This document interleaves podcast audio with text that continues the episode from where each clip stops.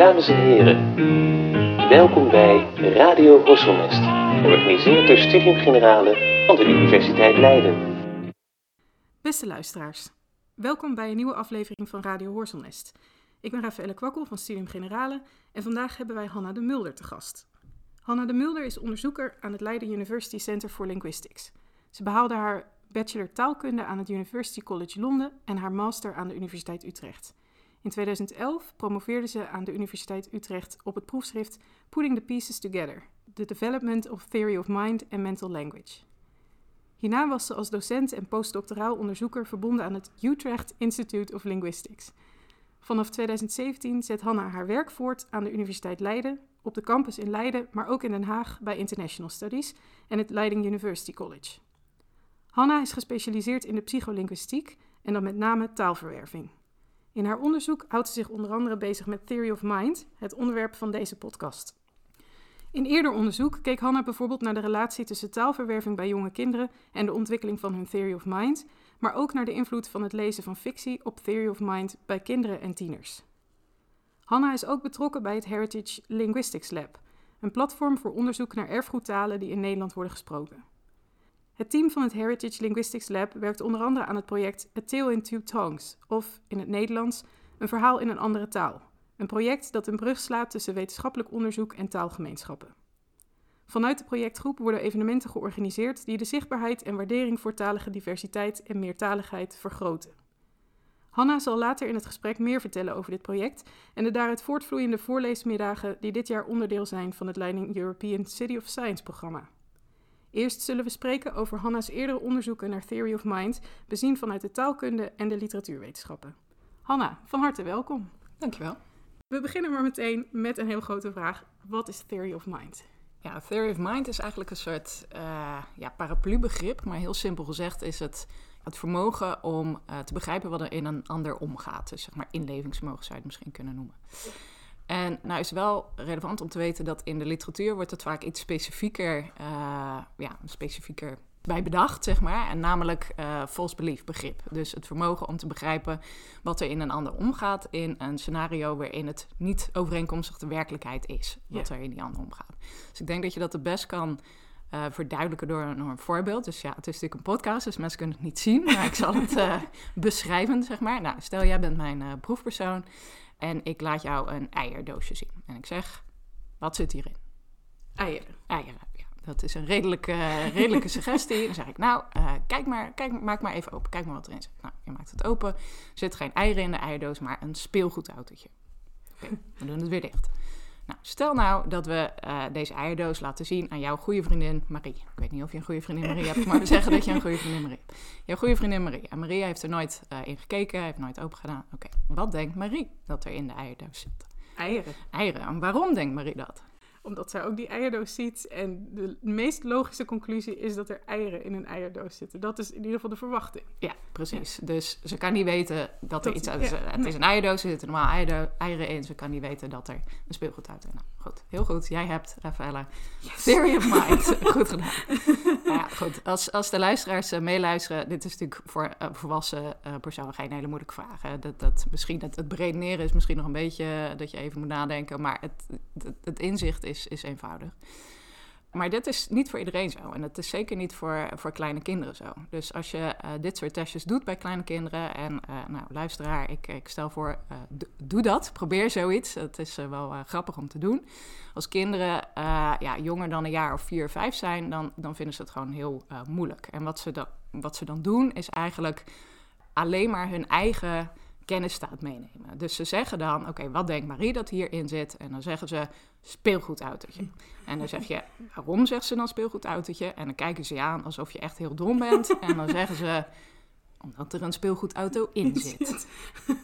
Dus, nou, wat ik zeg, uh, doe dat. Het is wel grappig om, om dat te doen. Ze hebben daar dan ook een soort van niet per se twijfel over. Ze zijn wel echt ja, ervan overtuigd dat je dat gaat uh, zeggen. Ja. Terwijl het dus voor elke volwassene... Ja, nee, natuurlijk gaat hij geen speelgoedautootje kunnen zeggen. Die kan hij nooit, dat kan hij nooit weten. Zeg maar. Nou, nee. goed. Dus dat, daar is een, een moment in de ontwikkeling dat ze dat ja, gaan begrijpen. Dat je dus je eigen uh, ideeën daarover ja, even uh, moet parkeren, om het zo maar even te zeggen. Even terzijde moet schrijven. En je moet focussen op wat, wat weet die ander? Ja, Uh, en dat is ja, cognitief, dus qua denkvermogen, best een uh, wel moeilijk iets voor kinderen. En dat kunnen ze dus pas als ze een jaar of vier, vier vijf zijn, weet je, die, uh, ja. die leeftijd. Dus dat is eigenlijk wat, wat er, als, als je in een wetenschappelijke studie leest, dit kind heeft theory of mind, dan bedoelen ze, dit kind kan uh, eigen uh, antwoorden op de vraag: wat, wat zal Marie, wat zal je vriendin denken dat hierin uh, in zit? Ja, heeft false belief begrip. Dus ja, eigenlijk, ja. dat is meer wat het is dan. Ja, dat is meestal hoe het gebruikt wordt. Maar op zich is, is theory of mind als, als soort van paraplu-begrip wel breder. Dus je kan het ook.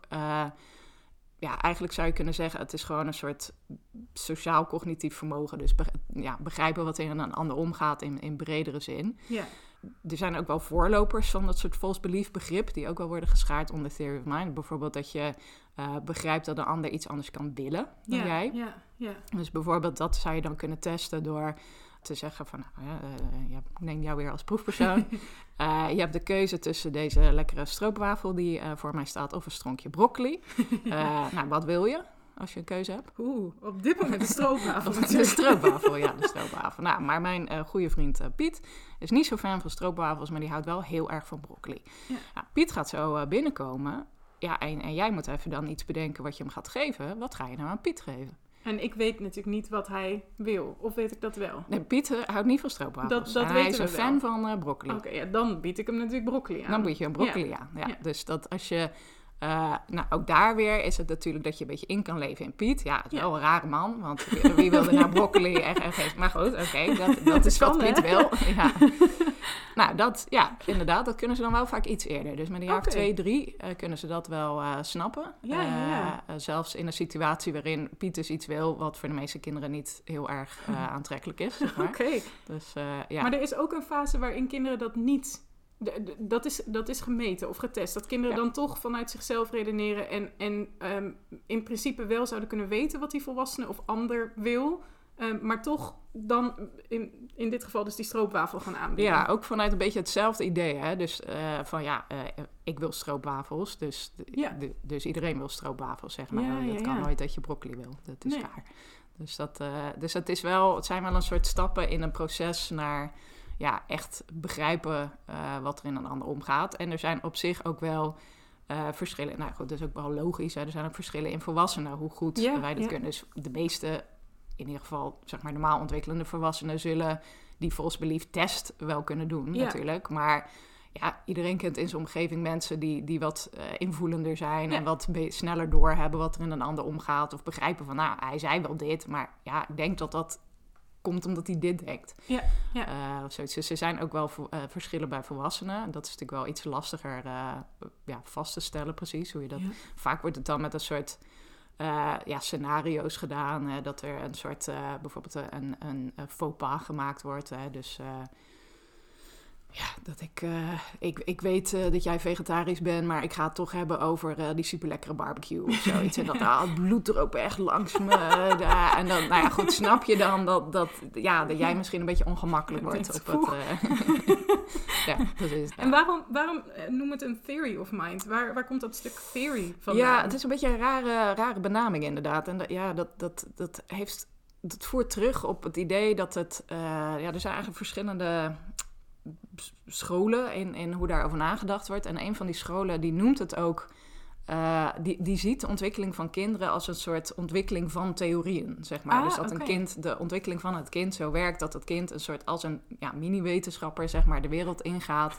en een soort van, nou, hè, hoe, hoe werkt dit? Nou, eh, in mijn eh, theorie is dat hij ook stroopwafels wil. Ah, nou, maar hij kiest de broccoli. Hmm, hoe kunnen we dat eh, verklaren, zeg maar. Dus dat, dat was een beetje de achtergrond daarvan. Er zijn natuurlijk ook eh, andere theorieën die zeggen... nee, dat, dat is niet hoe het, hoe het kinderbrein werkt, zeg maar. En het kind eh, simuleert het. Dus die gaat eerst denken van... nou, wat zou ik willen? Oh, oké, maar ja, goed...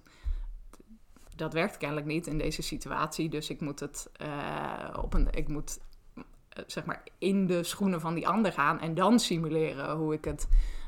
zou, wat ik lekker zou vinden of wat ik zou doen, zeg maar. Ja, Dus ja. ja, dat, dat, is een beetje de, de achtergrond eh, daarvan. Het is een beetje een gekke benaming, inderdaad, Theory of Mind. Omdat Ja. het niet per se een...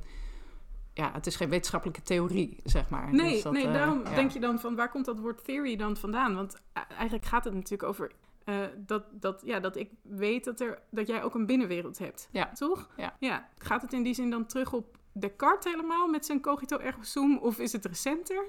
Nou, het is, uh, relatief, nee, het is zeker recenter. En het is eigenlijk uh, begonnen, dus dat is ook nog wel een aardige ontstaansgeschiedenis, met, uh, met de vraag of de chimpansees een theory of mind hadden. dat ja, was eigenlijk ja. het begin ervan. Dus er is een, een paper van Cheney en Seaforth, heet ze geloof ik, volgens mij eind jaren 70 van de, van de vorige eeuw uiteraard, met die vraag. Dus van, zou een... zou een chimpansee kunnen begrijpen wat er in een ander omgaat. Ja, ja, ja. Uh, en toen testen ze dat eigenlijk, ja, de, de, de, details weet ik niet precies, maar ze testen het eigenlijk met, de, met true beliefs. Hè? Dus, uh, nou, de, wat denk je dat hierin zit? Eieren? Ah, er zit eieren in. Oké, okay, wat denkt Marie erin zit? Eieren. En het is op zich interessant om te, om te bekijken of, of een chimpansee... Ik ben, ik ben vergeten hoe het Ze vroegen het natuurlijk niet. Dat hadden niet bij een chimpansee. Maar ze hadden uh, ja, een, een, manier om dat dan toch... Ik, denk, ik ben even vergeten hoe, hoe, precies, maar een manier om dat te, te bekijken. Ja. En toen kwam eigenlijk uh, een, een, een, filosoof om de hoek, uh, Daniel Dennett. En die Ah. zei, ja, maar die true beliefs zijn niet...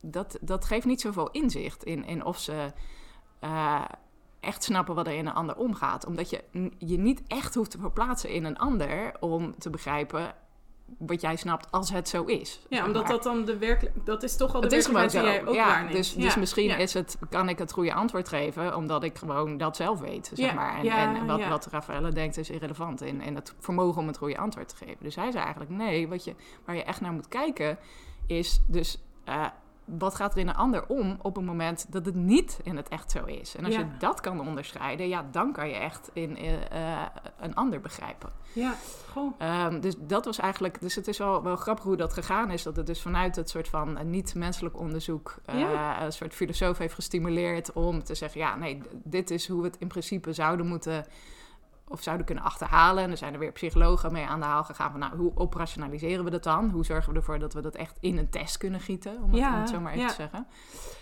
En toen kwam dus eigenlijk ook de vraag van, ja, eh chimpansees, dat is, dat is één ding, maar hoe zit het eigenlijk bij mensen? Ja, Eh, eh, ja, ja, weet je, volwassenen zullen het natuurlijk wel kunnen, maar ja, hoe oud moet je zijn om dat te kunnen? Nou, Ja. Toen is eigenlijk heel die onderzoeksdomein, zeg maar, in, in gang gezet. ja. Het grappige is dat dat ook wel weer, dus die, ja, dat noemen we dan explic- expliciete eh false belief begrip. Dus, dus hè, zoals in een soort van die vraag-antwoord sessie, zoals we net gedaan hebben. hey, kijk, wat zit hierin? Eieren, oh, oké, wat denkt Marie dat erin zit? Nou, hè, dat is wat we bedoelen met expliciet. Expliciet omdat je het echt moet verwoorden. Dus Ja. jij moet zeggen, nou, Marie denkt dat er eh, eieren in zit. Dus eigenlijk heel lang was een beetje de, de, de, de basisaanname van het veld. Van nou oké, er zijn wel wat eh, individuele verschillen. Er zijn wel wat jongere kinderen die dat kunnen. Er zijn eh, kinderen die dat pas later kunnen. Maar goed, zo ongeveer die bandbreedte, zeg 4, 5, is een beetje wel het soort ja, moment in de ontwikkeling dat, dat kinderen daar het goede antwoord op beginnen te kunnen geven. Ja, Uh, maar toen kwamen er, zeg begin eh 2000, ja 2000, kwam er een beetje een andere onderzoeksschool op. En die eh, heeft gekeken in hoeverre er impliciet false belief begrip aanwezig zou zijn. ja, Dus impliciet betekent eigenlijk dat, ja, dat er wel een soort kennis aanwezig is, maar dat je het niet per se kan, ja, letterlijk kan verwoorden. Of, Nee. of dat je er echt actief mee kan werken, om het zo maar te zeggen. En wat, wat bedoel ik met dat laatste? Als ik begrijp wat er in een ander omgaat, kan ik daar ook mee werken in, Ja. in, in, in mijn leven, zeg maar. hè. Dus Ja. stel, eh, er is een pak melk en dat is, eh, dat is niet goed, zo over de datum. en dan weet ik, maar weet ik veel, mijn prullenbak was vol, ik kon, ik kon er even niks mee. Ik heb het terug in de koelkast gezet. Dus er staat een pak melk wat niet goed is in de koelkast. ja, En jij komt eh, binnen, en jij weet dat niet, en jij wil melk drinken, jij doet de koelkast weer open en je pakt dat pak melk wat niet goed is. ja, Nou kan ik, als ik dus dat theory of mind heb, dus als ik kan begrijpen wat er in een ander omgaat, dan kan ik eh, ten eerste snappen waarom je dat doet. Ja. Hè? Dus het is eigenlijk gek, waarom pak je een pak melk wat niet goed is? ja. Nou, je zal wel denken dat het wel, Wel goed, is. hè? Ja, ja, Dus ik kan begrijpen waarom je dat doet. Ik kan voorspellen wat er gaat gebeuren. Hè? Jij Ja. gaat het drinken en dan vervolgens ga je pff, het, het uitspugen of in ieder geval heel, heel vies kijken. ja, Ehm, dus ik, ik kan daar wat mee. In en, en daar kunnen we misschien later nog over hebben. Als ik eh pro-sociale insteek heb, dan kan ik zeggen, Rafael, niet doen. ja, d- dit is niet goed, weet je wel. Eh, stop ermee. Als ik een minder sociale insteek heb, nee. ja, even kijken wat er gebeurt. Goed, Ja. dus nou, dat, is, dat is ook nog wel even een, een iets ander puntje. Maar goed, ik, daar kan ik iets, iets mee doen. Op Ja. een soort expliciet niveau. Op een impliciet niveau is het idee dat je misschien wel een soort intern soort van begrijpt wat ermee omgaat, maar dat je er verder niet, eh, het niet per se echt in, in, in actief handelen om kan zetten. Nee, Dat, dat is dan een beetje het idee. Nou, en, en dat soort studies eh, hebben bij, bij hele kleine kinderen eh, eigenlijk ook al een soort ja, basisgevoeligheid voor wat er in een ander omgaat vastgesteld. En aan welke leeftijd moeten we dan denken? Ja, het is, eh, nou ja, ik, ik grap wel eens van, eh, het is eh, de, de vraag wanneer ze dat in de baarmoeder gaan vaststellen. Maar het is, nou ja, dat, dat kan natuurlijk niet. Maar, Nou, maar echt wel heel jong, zeg maar. ja, ja, ja, echt als Ja, baby's. eh, 7, 8, 9, 10 maanden, zeg maar. Zo. Dat, die, die orde van grootte. En dan is natuurlijk een beetje de vraag, hoe test je dat dan? Ja, Nou ja, ook, ook daar is weer, ja, als ik een soort van visual aids had, was iets makkelijker. Ja. Maar ik zal, nou, ik, ik zal proberen uit te leggen en dan moet je maar zeggen of het helder is. Dus eigenlijk wat, wat ze doen is een soort... eh, dus de, de, baby zit op de schoot van een, vaak de moeder, een- iemand met wie die mee is. En die kijkt naar een scenario. En dat scenario eh, is zo opgezet dat de zeg maar, hoofdpersoon van dat scenario een false belief moet hebben. Dus een, een verkeerde overtuiging moet hebben of niet. Nou, eh laat ik dat iets concreter maken. Dus het kindje zit op de schoot van de moeder, kijkt naar het scenario. En dat kindje kijkt dus naar iemand die iets doet. En die, die iemand die zit tegenover dat kind en die heeft een scherm zeg maar tot aan zijn kin. ja. Ja, dus die kan eh, kijken naar wat er gebeurt. En dan ziet hij twee eh, eh, dozen. Laten we zeggen een gele doos en een groene doos. En in die gele doos zit een watermeloen. En die, die persoon die dus dat scenario zit te bekijken, dus degene die bekeken wordt door de baby, Ja. die, die ziet, oké, ja, watermeloen in de gele doos. Ja. Dan gaat op, op een gegeven moment het scherm omhoog. Dus degene naar wie de baby zit te kijken, kan het niet meer zien wat Ah, er gebeurt. Hè? Dus Ja. die is even, even, Weg. even blanco. En terwijl dat scherm omhoog is, gaat de watermeloen, die wordt verplaatst van die gele doos naar de groene doos. Ja. Dus ja. die watermeloen is nu in de groene doos. Maar dat weet diegene die eerst aan het observeren was niet. Want Nee. het scherm zit eh, omhoog. Oké, het scherm gaat weer naar beneden. Diegene die eerst dus in beeld was, verschijnt weer in beeld. En dan zijn er vervolgens twee mogelijke uitkomsten. Of die, eh, die, die hoofdpersoon, zeg maar, die handelt in lijn met de verkeerde overtuiging die zou moeten hebben. Dus die, die, die grijpt naar de watermeloen. Dus die gaat naar die gele doos, waar Ja. die zou moeten denken dat het in zit Ja. scenario 1. Of scenario 2, eh, die hoofdpersoon handelt niet in lijn met de verkeerde overtuiging. Dus die gaat naar de groene doos, zeg maar. Ja. Dus die gaat met hand richting groene doos. Nou, als je dus die, die false beliefs snapt, hè, dus als je, als je snapt eh, ja, wat er zich net ontsponnen heeft, Ja. dan is de, de handeling waarbij die, ehm, waarbij die hoofdpersoon richting die gele doos gaat, waar die dus denkt dat die watermeloen in zit, is een logisch vervolg van Ja. het verhaal. Hè? Want eh, eerder hebben ze al laten zien, nou, deze persoon vindt die watermeloen heel leuk, die, die pakt altijd die watermeloen als hij de kans krijgt om, dus die, die wil de watermeloen pakken. Nou, oké, dus dat is een verwachte uitkomst, zeg maar. ja. Die andere is, is raar, Ja. want dat zou die ja, hij zou niet moeten weten, zeg Nee. maar. Dus, dus hm, dat, is een gekke, dat is een gekke uitkomst. Dus wat ze doen is kijken welke van die twee uitkomsten is interessanter voor die baby's. En interessanter in deze leeftijd betekent langer blijven Kijken, kijken. Dus ja. ze zitten op schoot, ze kijken naar iets. Als ze echt een soort van, huh, wat gebeurt er nou? Dan, dan zitten ze heel lang te kijken van, wat, wat is dit voor een actie? Als ze van, oh ja, oké, dit ja, dus logisch, dan is het wel even interessant. En dan gaan ze weer omhoog kijken en Ja. naar de moeder kijken van, eh, wanneer komt er weer iets eh, iets. En je ziet dan dat ze het dus heel gek vinden als ze de onverwachte uitkomst doen. Dus als die hoofdpersoon niet handelt in lijn met de false belief die ze zouden moeten hebben. Namelijk, ze gaan dus naar die groene doos, waar ze niet zouden moeten weten dat die in zit, maar waar die wel in zit. Ja. Dan zitten die baby's zo, hmm, Oh, dat wauw. is wel gek, zeg maar. Nou, dan kan Dus je dat natuurlijk... is, dat, dat, de aanname is wel echt dat, dat je dan dus als kind dat wel al... door- je snapt het wel al, maar je kan het nog Ergens niet echt wel. verwoorden. Ja, ja precies. Dus, en, en hoe dat dan precies werkt, er is ook wel veel discussie over hoe je dat moet interpreteren. Hè? Ja. Moeten we dat interpreteren als echt van, dit, dit kind heeft eigenlijk gewoon volledig theory of mind, maar die kan het alleen ja, Niet letterlijk nog uitdrukken. iets uitdrukken. Eh, of zijn er hier eh basalere gedragsregels in het, in het geding, hè? dat je bijvoorbeeld... eh, dat ze een soort associatie gelegd hebben tussen die gele doos Ja. en de, en de, de hoofdpersoon. Dus ze verwachten dat, dat daar een soort link mee is en niet met die groene doos. Dus- Dus je, je kan ook wat soort van lagere ja, uitleg op lagere niveaus hebben. Dus Ja. overigens ook relevant als je kijkt naar dat onderzoek bij dieren. Hè. Dan is Ja, ook altijd de vraag van, eh, snappen Wat ze het echt? echt? Ja, wat gebeurt er echt? Ja. Ehm, dus de, en het wordt niet altijd gerepliceerd, dus dat andere onderzoeksgroepen dezelfde bevindingen doen, maar, maar ook weer wel. Dus nou goed, het is niet helemaal klip en klaar hoe we het precies moeten interpreteren, maar er is ook wel weer te veel van dit soort onderzoek om het helemaal terzijde te kunnen Ja. schrijven. Ja. Wat ze ook wel gedaan, is ook wel een aardige eh, vervolg daarop, is. ehm, dus je, je kijkt eigenlijk naar, naar kijkgedrag, zeg maar, Ja. op, op dit eh, vlak. Bij iets oudere kinderen eh, kan je ook kijken naar ja, wat ze noemen anticipatory looking. Dus eigenlijk alvast kijken naar een bepaalde kant op. Ja, Dus hebben ja. ze een, een scenario geschetst waarbij als je een, de, de, de, de hoofdpersoon, zeg maar, een, een false belief begrip hebt, dan, dan komt hij uit eh, links eh, uit het scherm. En als hij een, een eh, goede overtuiging heeft, dan komt hij rechts uit het scherm.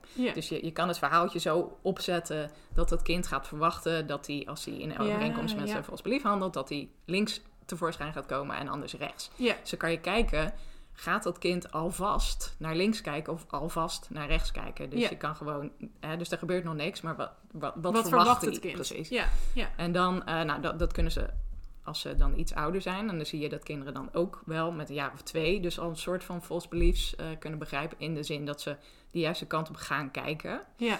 Maar wat dan wel grappig is, is eh, een, een die studie die keek van... oké, ze kunnen misschien niet verwoorden eh, waarom ze die kant op kijken. Ja. Maar misschien kunnen ze ergens wel een gedrag daarop aanpassen. Dus hebben ze gezegd, oké, ehm, je kan... eh, ja, eigenlijk een soort gokken, zeg maar. Dus ze kregen muntjes waarbij ze in konden zetten op een bepaalde uitkomst. Nou, Ja. en als je dan van tevoren is uitgelegd hoe dat werkt, weet je wel. Nou, goed, Ja. met- ja, dus je kan gokken op een bepaalde uitkomst. Gaat die daar vandaan komen of gaat die daar vandaan komen? Oké, nou, kies maar. En dan eh, zetten ze dus, dus de, de muntjes in op de, de verkeerde uitkomst. In de zin van de uitkomst die je zou kiezen als je geen false beliefs begrijpt. ja. Maar ze kijken de kant op als je wel false beliefs be- Ja, want begrijpt. dat, dat vroeg ik me nou net af. Inderdaad. Dus, want dit, dit haakt al aan bij wat ik je eigenlijk nu wilde vragen. Als het dus zo is dat, dat, dat je vanaf heel jong wel dat impliciete vals belief begrip hebt, dan, dan vind ik het lastig te begrijpen waarom je dan, als je dus een jaar of vier, vijf bent, niet meer die eierdoos truc kan, om het maar zo te zeggen. Hoe, is daar al een idee van Ja. hoe dat... Zit, zit de verklaring dus dan in wat je nu net vertelt? Dat je dus wel als het ware de verwachting hebt, maar dat je mentaal toch iets anders be- bedenkt of beslist of gaat doen. Ja. Blijkbaar dus. dus ja, dat je, zeg maar, ja, alle, kijk, we weten niet precies hoe dat zit. Er is, Nee. wel, er is wel onderzoek naar. Maar ja, goed, kennelijk is er soort, eh, toch een soort vroegtijdige abort of zo. Dus dat je niet helemaal, dus je, je, je kan wel de eerste paar denkstapjes in een goede kant, maar je, je, je, je kan niet helemaal tot het, nee. tot ja. het juiste antwoord komen. En er- zijn wel eh, theorieën over waarom dat zo is. Eh, en, en eentje is, eh, en die is natuurlijk relevant vanuit mijn perspectief, dat, dat, dat die taal Ja, dat moet doen. ja, dus dat ja. je een bepaald niveau van ja, talig vermogen nodig moet hebben om zeg maar actief te kunnen Ja. werken met het begrip wat je ergens sluimerend nog wel in je, in je hoofd hebt zitten. Ja, En je, je ziet dat op zich ook wel, dat kinderen wel steeds actiever de kennis over wat die in die ander omgaat mee kunnen nemen. Dus je ziet bijvoorbeeld in het eh, ja, active helping paradigm, noemen ze dat dan. Dus dat je een soort eh, studie opzet waarbij het kind ehm, eh, een, eh, een ander moet helpen. En het kind moet dan begrijpen, oké, welke hulp heeft hij nodig? Dus eh, bijvoorbeeld, eh, die, je hebt een, een, een onderzoeker en die laat een lepeltje vallen in een, in een spleetje van een, van een doos. ja, En die onderzoeker die probeert via dat spleetje zo die, die, die lepel te krijgen. Ah, Maar dat gaat natuurlijk niet, want Nee. de- de hand is veel te Ja. groot voor dat spleetje. Maar dat, dat kind heeft eerder gezien dat je die doos aan de andere kant open kan trekken. Dus je hoeft helemaal niet via dat spleetje, je kan hem open trekken. ja. Dus dan zien ze die, die onderzoekers zo, ah, ah, weet je, ah, ik, moet, ik wil bij mijn lepel, maar ik kan er niet bij.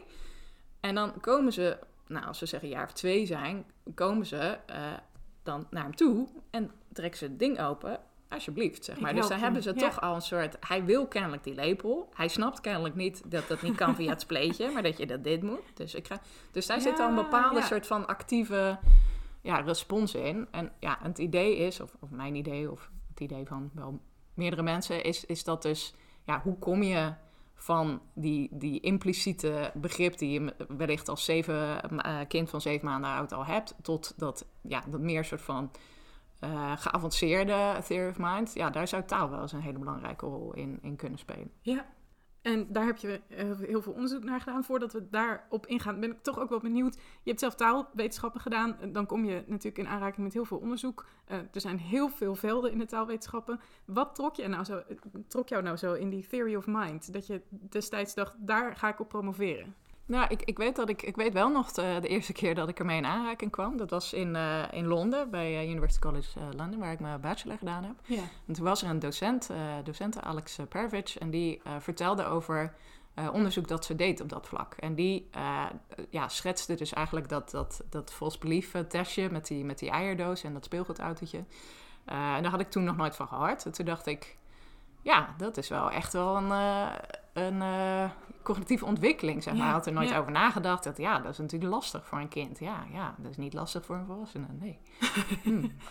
Goh. Wauw, Ja. zeg maar. Wat, eh, ja, eh, hoe, en hoe zou taal daar dan in, een rol in spelen? En, en hoe, dus dat was eigenlijk een beetje het begin dat ik dacht van... ja, die relatie tussen die sociale cognitie is natuurlijk heel belangrijk voor de ontwikkeling van kinderen. Hè? Dat, je, dat je met anderen om kan gaan, dat je Ja, ja, snapt wat eh, gepast is en wat ongepast is. En daar is natuurlijk ook ja, begrip van wat er in een ander omgaat gaat heel belangrijk. ja, Taalontwikkeling is natuurlijk ook hartstikke belangrijk voor de ontwikkeling van, van kinderen. Als je natuurlijk eh, taal eh, niet of maar moeilijk ontwikkelt, dan ga je het eh, heel moeilijk krijgen om, om goed mee, te, mee te draaien. En, samen. Dus ik vond eigenlijk die, die twee velden, de soort van, ja, om die te combineren, vond ik wel heel interessant. ja. En ja. er zit ook een soort leeftijd, dat heb je volgens mij al kort even gezegd, dat, er, dat die ontwikkeling van taal en theory of mind, dat gebeurt ook ongeveer, tenminste dan, als, als we het dan over dat expliciete hebben, dan zit dat ook een beetje in dezelfde soort leeftijdscategorie, toch? In die vier, vijf. Kinderen leren soms al wel eerder praten, denk ik, maar Ja, nou op zich, kijk, op zich begint, eh, eh, en dat is niet gekscherend, de taalontwikkeling begint letterlijk al in de, baarmoeder. Ja, ja, dat dus is waar. eh, dus Ja. dat is echt wel een, wel een langer proces. Alleen ja, wat ze, wat ze met vier, vijf gaan kunnen, is ja, eigenlijk complexere zinstructuren. ja, ja, en dat, ja, dus eigenlijk is het wel een interessant gedachte-experiment. Hoe kan je eh, goed begrijpen wat er in een ander omgaat als je het niet kunt eigenlijk zeggen. letterlijk kan verwoorden. Dus Ja. als je dus bijvoorbeeld denk aan het volgende scenario. Piet vindt Marie leuk, maar denkt dat Marie Henk leuk vindt. Marie vindt Piet leuk, maar denkt eh, dat Piet haar niet leuk vindt. Karel weet dat eh, Piet Marie leuk vindt en Marie Piet leuk vindt.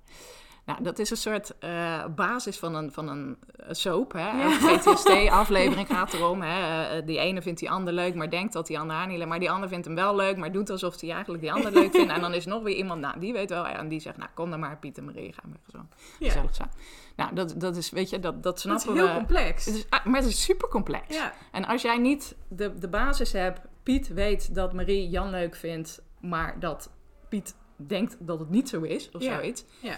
Ja, dat, dan kan je heel dat scenario in één zinnetje eh, vangen. Maar hoe, hoe ga je dat snappen? Wat Piet denkt over wat Marie denkt, over wat Piet denkt. ja, Weet je, dat, eh, wat Karel denkt over wat Piet denkt, over wat Marie denkt, over wat Piet denkt, over wat Marie denkt. Dus, zeg Ja. maar, dus al die, die niveaus. Ja, daar heb je helemaal geen... Tenminste, ja, het is Ja, moeilijk hoe ga je dat doen? hoe je daar grip op hebt op Ja. het moment dat je, daar, dat je dat niet A, zelf kunt verwoorden... en B, dat die anderen dat niet op de een of andere manier aan je hebben kunnen laten weten. Want Ja. je kan dat allemaal observeren natuurlijk, hoe mensen dat met gedrag doen, misschien. Ja. Maar ja, zoals je al zei, mensen kunnen ook doen alsof ze iemand niet leuk vinden. En dat is, een, dat is een, misschien een soort voorbeeld van zo'n vals belief zelfs Ja. dan in zo'n situatie. Dus dat is... eh, Ja, dat dat je dat probeert te, te scheppen bij een ander, inderdaad. Ja, ja. En, en ook dat is natuurlijk eh, ja, adaptief eh, gedrag, zeg maar. Hè? De, de, de- ik bedoel, zonder dat je... Mensen kunnen ook liegen natuurlijk, maar je kan natuurlijk ook Uh, om, om allerlei wel eigenlijke gronden uh, dingen zeggen die, die anders zijn dan de werkelijkheid. Hè? Wat, wat vind je van uh, deze jurk? Ik vind het heel mooi. Ja. maar ja. zie ik er dik uit in deze jurk? Nee. Dus dat nee, soort... uit vriendelijkheid. Ja, uit vriendelijkheid inderdaad. Dus, Want wat is eigenlijk, dat, dat vraag ik me ook wel af. Is er een verschil tussen theory of mind en, en empathie? En, en wat is dat verschil dan precies? Ja, ja, dat is een hele goede vraag. Relateert ook een beetje aan dat verhaal over dat prosociale respons. of het soort van uh, het uh, afwachten, kijken wat er gebeurt. Ja. Dus op zich, a theory of mind, in ieder geval in de zin van false belief begrip, is eigenlijk een, uh, ja, neutraal, zou ik huis willen zeggen, een neutrale gereedschap in je, in je hersens om, om met de wereld om te kunnen gaan. Hè? Ja. Dus op zich het is wel heel belangrijk om empathie te kunnen laten, of in ieder geval om ja, laten we zeggen, empathie op een soort hoger plan te kunnen doen. Dus pas als ik echt goed snap van ja, oké, je, je, je reageerde wel alsof je dat cadeautje heel leuk vond. Of alsof je niet uh, gekwetst was door die opmerking. Maar ik denk eigenlijk dat je dat wel was. En nou goed, hè, dus, Ja, dus dan kan Want je... dan kunnen we een, een echt complexere interactie daar ook over ja, hebben. Dan, en dan, kan kun ik je je gaan ja. troosten en, en dat soort dingen. Omdat ik snap wat er in je omgaat. Ja. Eh, dus, dus op zich is het wel belangrijk om op een soort hoger plan empathie te kunnen eh, tentoonspreiden als je, als je dat theory of mind hebt.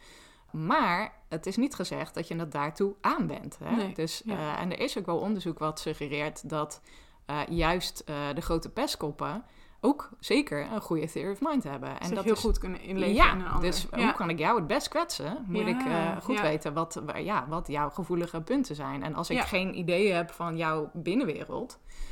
Ja, dan kan ik je niet zo lekker eh, eh, Stangen. stangen, Ja. zeg maar. Ja, ja. Ja. Goh. Dus, ja. dus het is echt... eh, dus je kan het... ja, want je denkt bij het woord inleven meteen Ja, aan toch door de sympathiek taal inleven. inderdaad Ja. aan iemand die, die meeleeft met een ander. Maar dat is toch wel iets anders. ja, Dus ja, dat hoeft niet. Nee. Het is echt aan hoe je het, hoe je het aanwendt. Dus je kan daar echt inderdaad... eh, een heel prosociaal eh, leuk eh, persoon van worden. En je kan daar een, een hele goede voltraar van, Ja, van worden, zeg maar. Dus ja. het kan beide kanten op.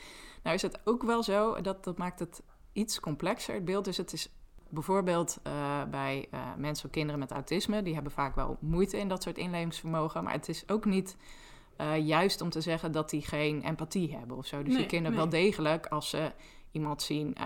jonge kinderen heb ik het dan even over, als ze iemand zien huilen wel snappen, ja, dit is, dit is niet goed. En, en toch proberen te troosten, ook als Ja. ze misschien niet helemaal...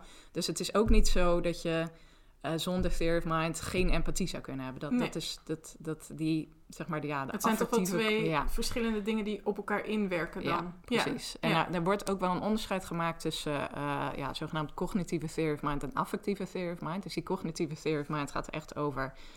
Snap ik de inhoud van jouw gedachten? Ja, Dus oké, snap ik dat jij gaat zeggen eieren, omdat je gewoon niet weet dat. Hè, dus dat is op een soort van een beetje ja, rationeel, eh, niet emotioneel over- eh, niveau. ja, Eh, maar je hebt ook affectieve theory of mind. Dat is begrijpen wat jij gaat voelen in Ja. respons Ja. tot, tot dingen. En dat, dat lijkt ook wel een beetje apart te zijn. En er lijkt ook wel bewijs te zijn voor een grotere link tussen de ontwikkeling van taal en cognitieve theory of mind dan affectieve theory of mind. Dat, dat lijkt omdat wat dat toch ergens anders misschien Ja. dan in zit. Ja. Ja, ja. En dan, dan nu misschien naar je, naar je onderzoek met je proefschrift, waar ik natuurlijk naar gekeken heb. Ehm, daar hebben jullie gekeken, dus, of heb jij gekeken, naar de wisselwerking tussen taal en theory of mind.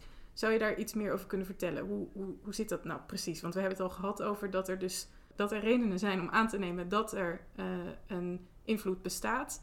Maar hoe zit dat nou echt?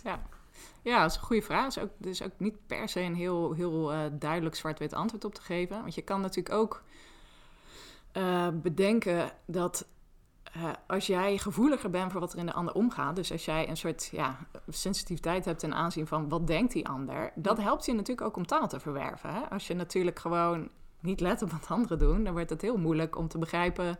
Eh, dus bijvoorbeeld, eh, ja, dit- wederom, de luisteraars zien het niet, maar ik kijk hier nu naar een, een fles.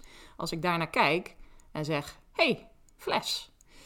Dan zal dit ding, de fles, wel een fles zijn en niet mijn glas wat ernaast staat. Hè? Ja. En, en hoe weet je dat? Nou, omdat jij naar mij hebt gekeken. Waar kijkt ze naar? Wat, wat is haar... eh, ja, de, het, het object wat nu centraal staat in haar focus. De, er volgt een woordje uit. Ja, fles. Nou, dat woord ken ik nog niet, maar eh, ja, dat zal nog wel daar. Dus, dus in Ja. die zin is het natuurlijk ook wel heel nuttig voor je taalverwerking dat je snapt wat er in de ander omgaat. ja en hoe interessanter je met name dan misschien volwassenen vindt, hoe meer je ook luistert naar wat zij Ja. zeggen en hoe minder je misschien bezig bent met wat je Met zelf aan het doen bent. Ja. Nou ja, en dat, dat is wel, het is misschien ja, wel een soort van anekdotisch verhaal, maar dat, dat wordt ook wel gezegd van eh, kinderen met eh, autisme.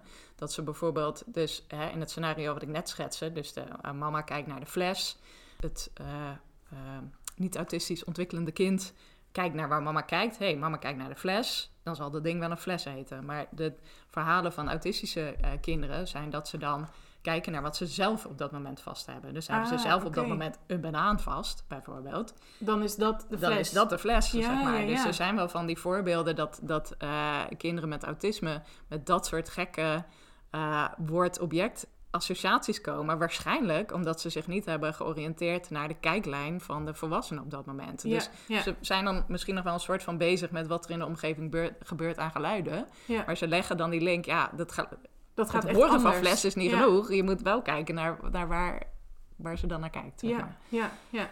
Dus, dus er is wel degelijk ook een effect van het begrip van wat er in de ander opgaat op je taalontwikkeling. Hè? Ja. Dus, dus dat, dat is één kant van de medaille. Maar die, die taalontwikkeling is ook heel belangrijk om die, het begrip van wat er in de ander omgaat te ontwikkelen. Ja, wat we net bespraken met Ja. die soap. Precies, met Ja. die soap. En, en dat kan op eh, diverse niveaus zijn. Dus eh, op eh, een relatief simpel niveau is natuurlijk... Ja, als je taal snapt, kan ik je vertellen Ja. of ik van Marie hou, ja of nee, zeg maar. Hè? Dus, dus, en ik kan woorden gebruiken als denken, of weten, of raden, of voelen, of... nou, Ja, waardoor ik een soort een, een beeld moet vormen van wat Ja. die woorden betekenen. Wat is dat dan? Ja. Dus eh, weet je, ik zeg nou ja, eh, Jan denkt eh, dat sleutels in de la liggen, maar eigenlijk liggen ze op zolder of zoiets. Nou ja, goed, dat, dat, dat triggert het kind ook wel. Of hè, wat, wat, betekent dit nou? Wat, wat, wat Hoe is kan dat het dat Jan nou? iets anders denkt dan wat echt zo is? Ja, Ja. precies. Ja. Dus, dus op dat niveau speelt taal een rol. Maar er is ook wel het idee dat taal ja, een soort, ja, misschien crucialer eh, eh, rol speelt in de zin dat het het, eh, het representationele format biedt om te begrijpen wat er in de ander omgaat. Dus dat is eigenlijk een beetje waar we het net over hadden. Dus dat je eigenlijk door taal krijg je gewoon de, de, het cognitieve gereedschap, zeg maar, de denktools om het een plek te kunnen geven. Dus eh Raffaelle denkt dat de melk goed is. Ja. Zeg maar, zoiets. Oké, dan als ik dat een soort letterlijk kan verwoorden, dan kan ik er iets mee doen. Dan kan ik het even een plekje geven in mijn hoofd. Ja, Maar ja. Hanna weet dat de melk niet goed is. Oké, dan hebben we twee verschillende soort van situaties. En, en die, die, die zijn relevant om te begrijpen eh, wat de opties voor Hanna zijn, wat, wat eh, de opties voor Raffaelle zijn. En Ja. ja, op die manier. Dus op die manier orden je dan al die mogelijke scenario's in de werkelijkheid in taal, Ja, als het ware. Ja, precies. En, en het idee is dat je op het moment dat je dat kan, dat je ook een soort van op een iets geavanceerder niveau ermee om kan gaan. Hè? Ja. Dat, je, dat je gewoon, oké, dit is, dit is eh, de gepercipieerde werkelijkheid. Hè? Eh, eh, de, de melk is goed. Ja, hoe het echt is. Nou ja, dat, nee, dat nee, is dan niet zo. De melk is goed. Ja. Nou, hè, dat, dat, dat klopt helemaal niet. Maar Raffaelle denkt dat de melk goed is. Dat, dat als geheel klopt wel, zeg Ja. maar. Dus, hè, ook, nou ja, en dan geeft die taal, die, dus deze structuur heet een sententiële complementatiestructuur. Ja. Dus je hebt een, eh, een complement, dat is die dat de melk goed is, dat stukje. En dat wordt eigenlijk ingebed in, in eh, ja, wat iemand anders denkt daarover. Dus Raffaelle denkt dat de melk goed is. Dus het idee is, tenminste volgens sommige wetenschappers, dat als je die structuur verworven hebt, dat dat je eigenlijk letterlijk de, eh, ja, het cognitieve gereedschap geeft, dus om ja, dat achterliggende gedachteproces te, te ordenen en te begrijpen. Ja. Ehm, daar is niet iedereen het mee eens. Eh, ik, ik op zich ook niet. In mijn eigen onderzoek ja, komt dat ook niet zo helder uit. Maar wat er wel uitkomt is dat, een, dat je wel eh, een duidelijke relatie ziet tussen het, het niveau van de taalontwikkeling in een wat algemenere zin. En eh, dat, dat belief begrip, dat theory Ja. of mind vermogen, zeg maar. En waarschijnlijk, tenminste ik zou zeggen dat dat komt omdat je niet per se zo heel duidelijk één domein van taal aan kan wijzen. Maar dat je gewoon diverse aspecten van taal op een bepaald niveau moet beheersen. En dan gaat het je echt helpen. Dus je moet snappen wat denken betekent, wat weten betekent. Je moet ook die constructie snappen. Maar je moet ook bijvoorbeeld gewoon in termen van werkgeheugen eh, ver genoeg zijn dat je, dat je ja, dat soort talige eenheden Ja. kan, kan eh, onthouden en mee kan werken. En dat, dat gaat je dan allemaal helpen in die... Dus het is niet zozeer één, één heel specifiek onderdeel van de taal, zoals die sententiële complementatiestructuur, ik hoop dat ik het goed zeg. Eh, maar meer een soort, je moet op alle vlakken al iets hebben, iets in huis hebben en Ja. dat kunnen combineren om echt succesvol Ja, die theory Ja. of mind expliciet te kunnen benoemen. ik denk dat dat wel... Ja, en dan is het natuurlijk een beetje de vraag van in hoeverre is het echt... Ja, necessary and sufficient, zoals ze dat dan zeggen. Dus dan noodzakelijk en eh, eh, op zichzelf genoeg, zeg maar. Of, of eh, is het een, een, een breder pakket aan zaken. Hè? Dus, dus ja, kijk, dat ga je nooit kunnen ontdekken. Hè? Maar stel dat een kind geen nul sociale ervaringen heeft, maar wel die taal ontwikkelt, gaan ze dan toch dat... Ja, Ja, dat We- kun je, weten nee, we dat- niet. Nee, ja. Waarschijnlijk niet. Nee. Hè? Waarschijnlijk is het een, een heel pakket aan, aan ervaringen met anderen en taal. En Ja. eh, dat, dat, ja, wat gewoon samen de, ertoe bijdraagt dat, dat het kind dat eh, op een gegeven moment gaat eh, snappen op die Ja. manier. Ja. Maar ik denk wel dat we kunnen zeggen dat die taal daar een hele belangrijke rol in speelt. Maar op zich ook wel dat het begrip van wat er in de ander omgaat ook een belangrijke rol speelt in de ontwikkeling van taal. Zeg maar. Misschien wel iets minder duidelijk, zeg maar. Maar het is ook, ja, kijk, als je het natuurlijk een extremis gaat bekijken, als je nul idee hebt van wat er in een ander omgaat, ga je niet heel ver komen met je taalontwikkeling. Nee, nee. nee, want je Eh. moet je, en zeker niet met dat soort abstracte begrippen, zoals wat je dan dus een psychologisch vocabulaire noemt, denk ik, Ja. of een psychologische woordenschat. En dat is ook, ook nog wel eigenlijk nog wel een aardig eh, eh, eh, punt om te vertellen. Dus er zijn tussen talen ook verschillen in de aard van de, ja, het mentale vocabulaire, om het zo maar even te zeggen. Ja. Dus eh, nou, in het Nederlands heb je bijvoorbeeld eh, weten en denken en dat soort dingen. Eh, maar denken op zich, als ik zeg Piet denkt dat de hoed in de kast ligt, dan kan het zo zijn, de hoed ligt in de kast, en dat kan ook niet zo zijn. Ja. En alleen door het gebruik van het woord denken weet de luisteraar niet of het Echt zo echt is. zo is of, Ja. of niet zo is, zeg maar. Maar er zijn talen, bijvoorbeeld eh eh, Kantonees en eh, diverse andere talen, die, ja, die in die zin een soort van eh, expliciete vocabulaire hebben. Dus heb je één woord wat betekent ik denk het en het, en het is, is, zo. ook zo. Ja, Eh, en een ja. ander woord wat is ik denk het en het is niet zo, zeg maar. Dus verke- verkeerd denken Ja. is zeg maar één, één woord al, eh, daarin.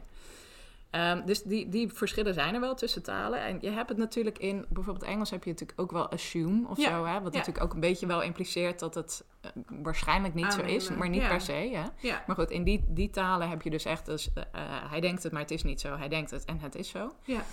Ehm, of in ieder geval, hij denkt het en, en het is, dat is niet helemaal waar wat ik zeg. Die- Je hebt eentje, hij denkt het en het is niet zo. En hij denkt het en het is onduidelijk of het Ah, op die manier. Ja, of niet zo is. Ja. Eh, en dan is, eh, je hebt ook andere talen die dat helemaal niet hebben. Dus voor het, eh het uh, Gwenin Quechua, eh, een taal in, in Latijns-Amerika gesproken wordt, in, in samenlevingen van, die, die ja, niet volledig geïndustrialiseerd zijn, zeg maar. Ja.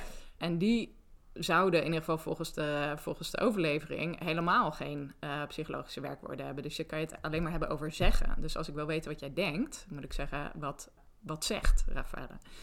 Wat natuurlijk niet hetzelfde is, zeg Nee. maar, als, eh, als of denken. Dus dat, dat zou heel, ja, eh, een, een soort minder uitgebreid mentaal vocabulaire zijn. En de- het verhaal, ja, het is misschien een beetje de vraag of het, of het helemaal echt wel zo is. ja, want het lijkt me toch wel heel lastig om dan... Ja, met gewoon, weet je, je kan, ja, ze hebben wel een, ze hebben misschien geen volledig geïndustrialiseerde samenleving, maar wel gewoon een samenleving. Waar Ja. dus met maar er er schijnt ook wel weer dan een soort culturele aspecten te zijn dat je, eh, dat er ideeën zijn over dat je een soort van de geesten niet alert moet maken op Oh, jouw binnenwereld en zo. Dus dat, dat je dan in die zin, nou, dus dat- er zit nog wel iets meer achter. Maar goed, oké, laten we dat even, even laten. Ja, dat wordt wel heel complex. Het wordt weer heel complex, maar er zijn dus in ieder geval wel verschillen tussen talen in hoe uitgebreid die, dat mentale vocabulaire is. En vervolgens kan je natuurlijk vragen, eh, maakt dat uit Ja. voor de ontwikkeling van dit, die eh, eh, theory of mind? Dat Ja. zou natuurlijk wel eh, interessant zijn op het moment dat je zeg maar, ja, eigenlijk toevallig door waar je geboren eh, bent, dat je een taal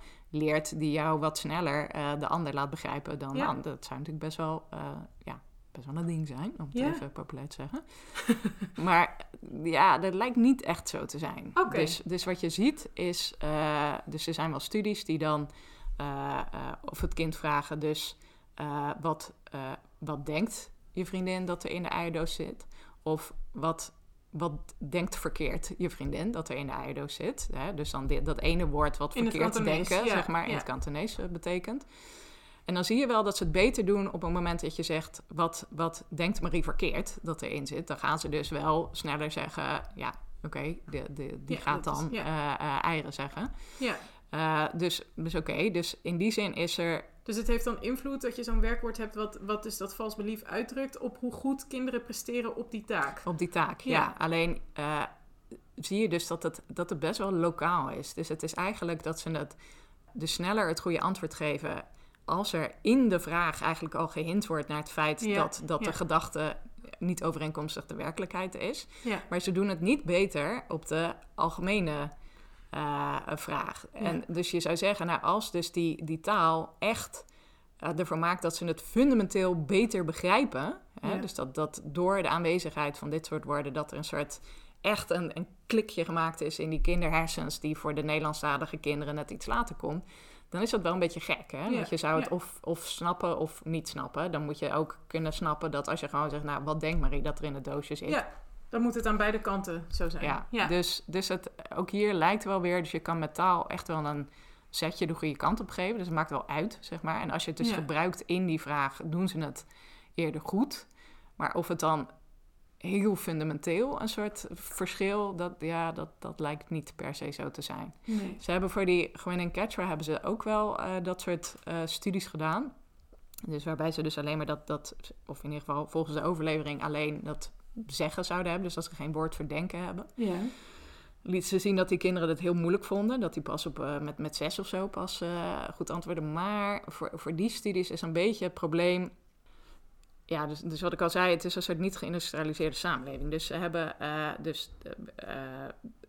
ja, om even simpel te zeggen, als je iets in een doosje kan stoppen, dan stop je het in een doosje, Ja, zeg maar. Dus ja. ze, de, de, de- ze hebben wel geprobeerd om eh, zeg maar dingen te gebruiken waar normaal gesproken suiker in zit, of normaal gesproken wel graan in zit of zoiets. Ja. Maar die hele duidelijke link van, ja, weet je, in een eierdoos zitten altijd wel eieren, Ja. zeg maar. Die, En die geen link, auto's. en geen auto's, zeg maar. Ja. Die link was iets minder duidelijk ook Ja. in die studie. Gewoon omdat, ja, het niet Omdat het er soort... niet zozeer eierdozen zijn. Ja. Op, zo, op die manier, die Op die alleen manier. toegespitst zijn Ja. voor, voor de opslag van eieren. Precies. Dus dan het feit dat er iets anders in zit, is, niet zichzelf iets minder. Ja, en dan hebben ze natuurlijk wel.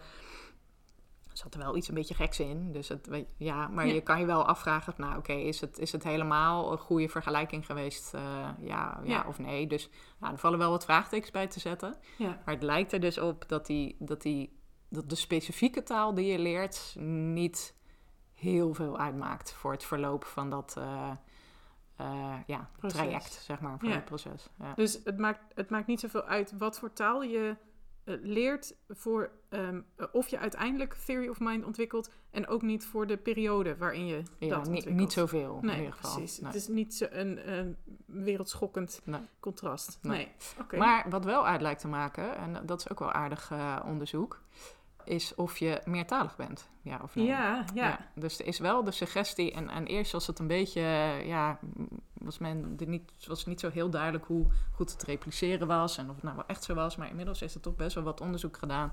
Eh, en ook wel een ja, meta-analyse heet dat dan. Dus dan een studie die heeft gekeken naar uitkomsten van heel veel verschillende studies. Om te kijken van, nou oké, als we dat alles bij elkaar nemen, zien we dan een effect van, van iets. Nou, de, de- die is gedaan. ja. Om te vragen of meertaligheid eh, een, een positief effect zou hebben op eh, de ontwikkeling van die theory of mind. Dus dat kinderen die meerdere talen aangeleerd krijgen, die zouden dat dan, die scoren beter op die eierdoostest of eerder? Ja, Of eerder. allebei? Oké, eerder. Ja, Ja. ja, ja. Dus dat ze dat net even iets eerder eh, snappen dan, dan eentalige kinderen. En dat het, is een, het is een relatief klein effect. Weet je, het is niet zo, oh, dat tweetalig kind van één kan, kan iets wat een eentalig kind van vier. Zo is het niet. Maar het is wel, het, dus het is klein, maar je, je ziet het wel, zeg Ja. maar. En als je, als je meeneemt, dus ja, dan wordt het misschien een beetje complex, maar het is bij eh, meertalige kinderen is het vaak zo dat de woordenschat in eh één taal, als je maar kijkt naar één taal, is vaak iets lager dan de woordenschat van eentalige kinderen. Wat niet Dat zo, begrijpelijk wat niet zo natuurlijk. gek is, inderdaad, want ze, ze horen nou eenmaal meerdere talen, dus ze hebben nou eenmaal minder, ja, niet noodzakelijk automatisch, maar vaak wel gewoon minder input gehad in, eh, in, in Ja. de taal dan een eh, vergelijkbaar eentalig kind. Ja, Dus als je rekening houdt met het feit dat, ehm, dat hun, hun taalniveau iets lager is. Als je daar ja, statistisch gezien rekening mee houdt en als je die uitkomsten bekijkt.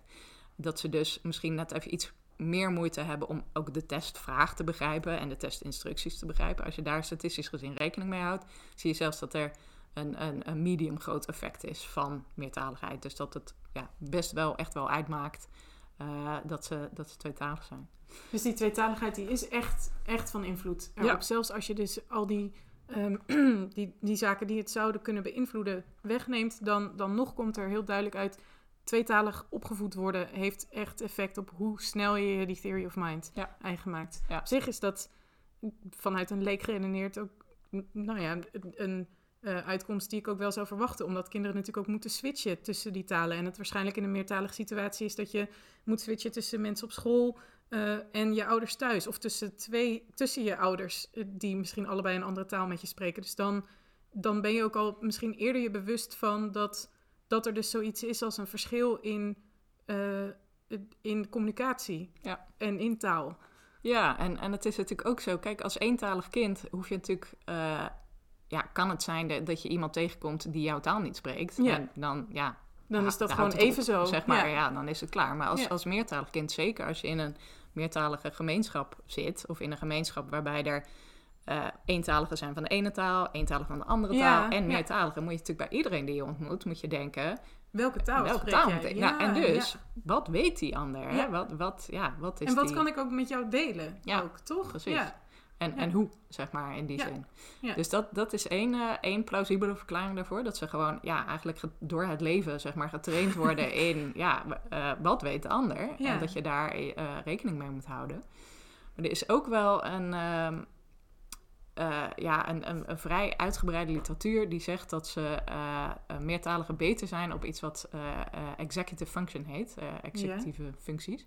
Ja, waar het eigenlijk om gaat is een soort, ehm, tenminste in het kader van, van meertaligheid, waar het om gaat is het vermogen om eh, eigenlijk bepaalde informatie te inhiberen. Dus, dus eh, zeg maar te negeren, te, de- weg te drukken, zeg maar. Ja. Dus de suggestie is dat, dat meertaligen daar beter in zijn dan eentaligen. Dus dat ze die, die inhibitie-aspect van eh, executieve controle, dat dat beter ontwikkeld is. Dus dat, je, dat zij eerder kunnen ehm, differentiëren tussen wat informatie is die relevant is voor hen en niet. Ja. Om het maar zo te zeggen. Of dingen Ja. die je, waarvan je denkt, oké, daar ga ik me nu niet mee bezighouden. Niet, niet expliciet natuurlijk, want dat zou heel veel werk kosten. Maar Nee, Impliciet. precies. En eh, dat, dus dat kan je laten zien bijvoorbeeld. Ja, ja, ook hier weer. Jammer dat ik het even zeg. Maar de, de Stroop-test, dat, dat zou je misschien niks zeggen. Maar misschien als ik het uitleg zou je denken... oh ja, heb ik wel eens van gehoord. Je krijgt een, eh, een woord te lezen. En die woord, dat is de naam van de kleur. Dus rood. Er staat rood. ja, Als er rood staat en het is in het rood... dan kan je heel snel zeggen rood. Ja. Als er blauw staat en het is in het blauw... dus het woord blauw is in het blauw afgedrukt... kan je heel snel zeggen blauw. Geel, Ja. geel. Uh, maar als jouw taak is om uh, de kleur te zeggen en er staat rood, maar het is in het geel, dus het juiste antwoord is geel, niet rood, ook als er rood staat, maar het is in het geel, uh, dan, dan duurt het wat langer. ja, En uh, het idee is dat, dat het wat langer duurt, omdat dat lezen is een heel automatisch proces, hè, in ieder geval voor uh, geletterde volwassenen. Dus je bent heel, ja, dat rood, dat, het woord rood popt op, zeg Ja. maar. Nee, dat is niet de taak.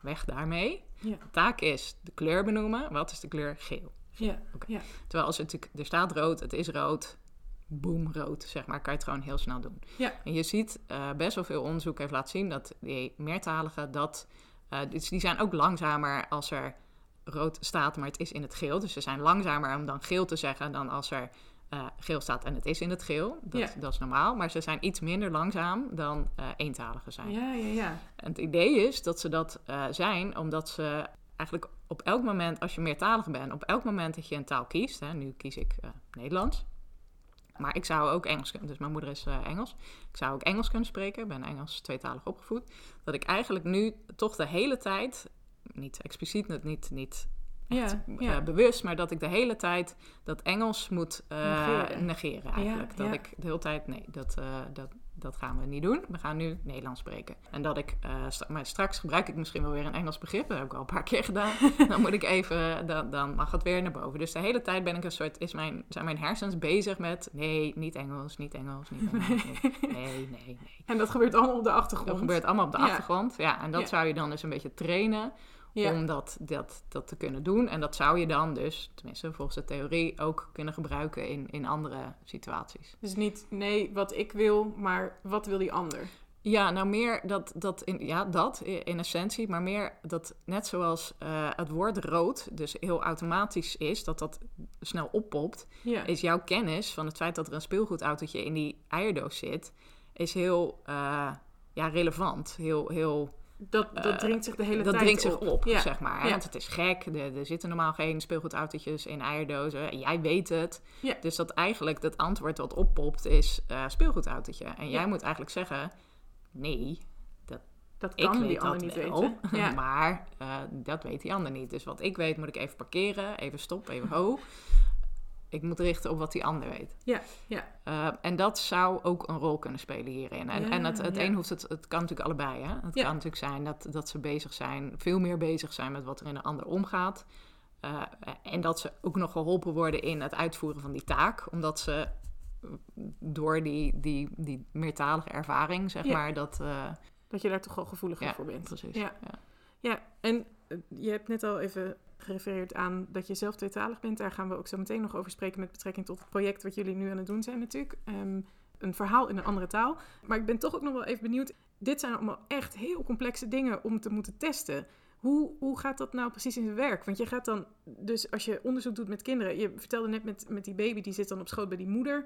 Um, jij gaat zelf, neem ik aan, naar scholen toe om testen af te nemen bij kinderen in dit geval. Ja, ja. ja dat heb, heb ik voor mijn promotieonderzoek wel gedaan. Ja, en dan, het kan dus ook zo zijn dat je een uh, onderzoek hebt gedaan en dat je dan aan, aan het eind van het onderzoek nog rekening moet houden met allerlei dingen die daarvan invloed op zijn. Zoals je net vertelde, bijvoorbeeld bij die kinderen in dat kantonees, dat je bepaalde factoren mee moet nemen in de resultaten die je dan hebt behaald. En dan komt er soms nog weer iets heel anders uit. Ja. Begrijp ik dus. Ja. En, en weet je, kijk, je, je kan niet alles meenemen. Nee. Er is heel veel wat wel uitmaakt. Ja. Uh, ook wel dingen die toen ik dat voor het eerst hoorde, dat ik het ook wel een beetje een soort van haast shocking vind. Dus uh, uh, een van de factoren die uitmaakt is bijvoorbeeld de sociaal-economische status van de kinderen. Ja, ja. Uh, in termen van, ja, en ook hier weer is het natuurlijk niet zo dat als je uit een gezin komt met een lager socio-economische status, dat je pas op je 25ste het gaat snappen. En, nee, en, en anders op je. Ja. Nee, niet, niet zo'n verschil, maar het maakt wel uit. Ja, ja. en het maakt dus uit in de zin dat hogere socio-economische staat, kinderen van met een acht, hogere socio-economische staat, zoals achtergrond, dat die het gewoon ja, wat sneller oppikken dan kinderen met een lagere socio-economische status. Ja, omdat de ouders meer, nou ja, er zijn natuurlijk waarschijnlijk allerlei redenen. Ja, er zijn voor. allerlei redenen voor, maar ook wel, en, en dat, dat was wel iets wat ik wel, ja, wat me echt wel even aan het denken zette, dat bijvoorbeeld op het moment dat, dat kinderen een verhaal vertellen, uh, wat, wat niet waar is, hè, dus bijvoorbeeld ze zitten aan de eettafel en ze zeggen, nou, en uh, ja, vandaag zag ik een prinses en, uh, en er was ook een draak en die gingen, en die gingen vechten. Maar uiteindelijk, dan, zeg, dan zie je vaak, en zeker niet altijd natuurlijk, maar je ziet vaker dat, dat in uh, milieus met hogere sociaal-economische status. Dat, oh ja, oh ja, echt waar. Ja, ja, en, en had ze dan een, trouwring en ging ze, hoe zag die eruit dan? En weet je dat je op die, terwijl in, uh, ik, ik, en ik kan me herinneren dat ik daar echt ook een voorbeeld van las van. Uh, een, een, ouder die daarop reageerde van... je moet niet liegen, dit is ja, niet gebeurd. Ja, weet je ja. wel, er was geen uh, prinses en er was geen draak. Dus niet, niet zo rare dingen zeg. Nee, weet je, dus dan... En dat is natuurlijk vanuit de, de beste bedoelingen. Hè? Het idee is van... Uh, ja, wat, wat zit mijn kinderen rare praatjes te, te doen? Maar de, die hele soort van ja, een, een, wereld kunnen verzinnen waarin en mensen dingen doen en waarin ze zich tot elkaar verhouden en, en daar op die manier een beetje spelende wijs mee omgaan, ja. uh, wordt veel meer gestimuleerd in, in bepaalde uh, omgevingen. Relateert ook weer aan die verhalen vertellen, waar we ja. misschien straks nog even over kunnen hebben. Ja. Um, dan in andere. Maar, maar ook dingen als um, uh, de gezinssamenstelling. Dus of jij broertjes en zusjes hebt, of Ja. die ouder of jonger zijn, maakt uh, ook, ook uit voor dit soort uh, ontwikkeling. Maakt ook uit voor taalontwikkeling. Ja. Het maakt Ja. uit hoe je ouders met je praten. Of ze bijvoorbeeld uh, veel emotietermen gebruiken. Hè? Dus uh, als ze natuurlijk uh, een ouder zegt: eet je brood op, kom hier, ga weg naar je kamer, Ja. niet meer doen. is natuurlijk heel anders dan zeggen: ja, maar hoe denk je nou dat je zusje zich voelt als jij eh, haar favoriete boek net uh, op straat gegooid hebt en wat zij zei?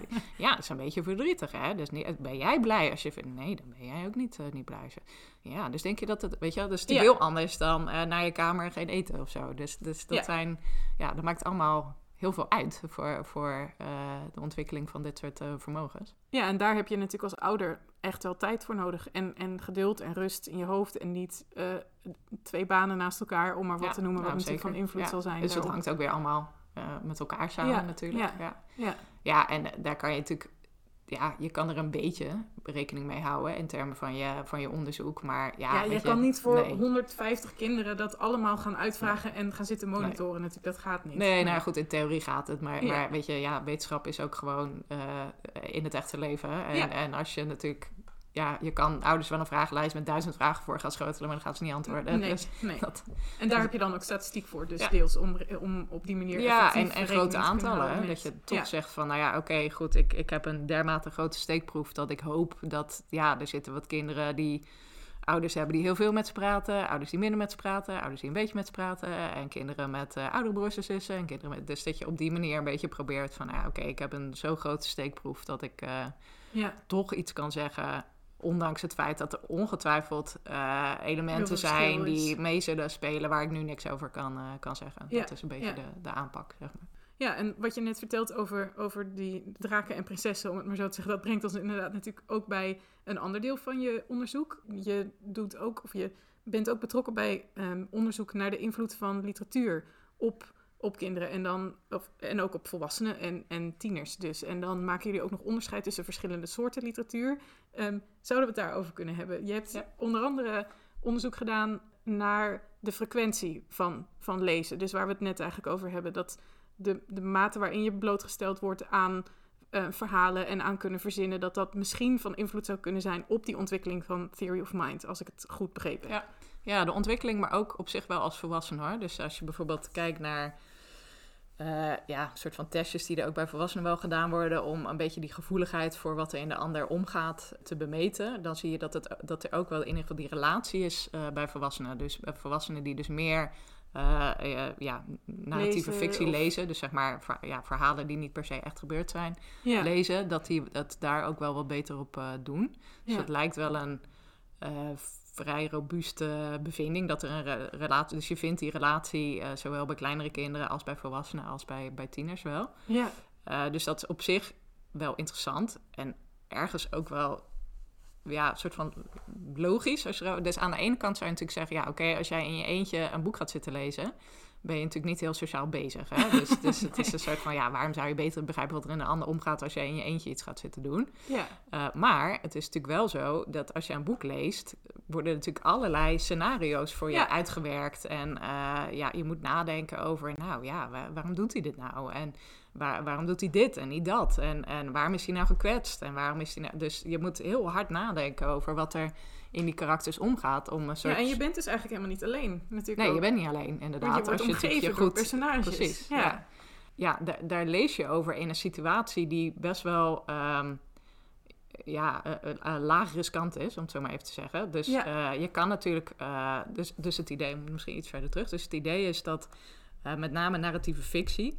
Dus verhalen, hè, er zijn karakters die dingen, die dingen doen, zeg maar. En het is niet per se eh, nu aan echt gebeurd of vroeger echt gebeurd. Hè? Nee. Dus het is, het is fictie. Het kan natuurlijk wel gebaseerd zijn op, op eh, ware dingen. Maar oké, het is fictie. Het is een roman die je aan het lezen bent. Dus het idee is dat op het moment dat je dat eh, ook weet, dat je ja, een soort mentale vrijheid hebt om daar ja, vrijelijk over in mee te gaan, zeg Ja, maar. Hè? Dus ja. je bent misschien aan het lezen over een pedofiel die vreselijke dingen doet met kleine kinderen. En, nou, de, de, En Lolita, en. Lolita is een heel goed voorbeeld.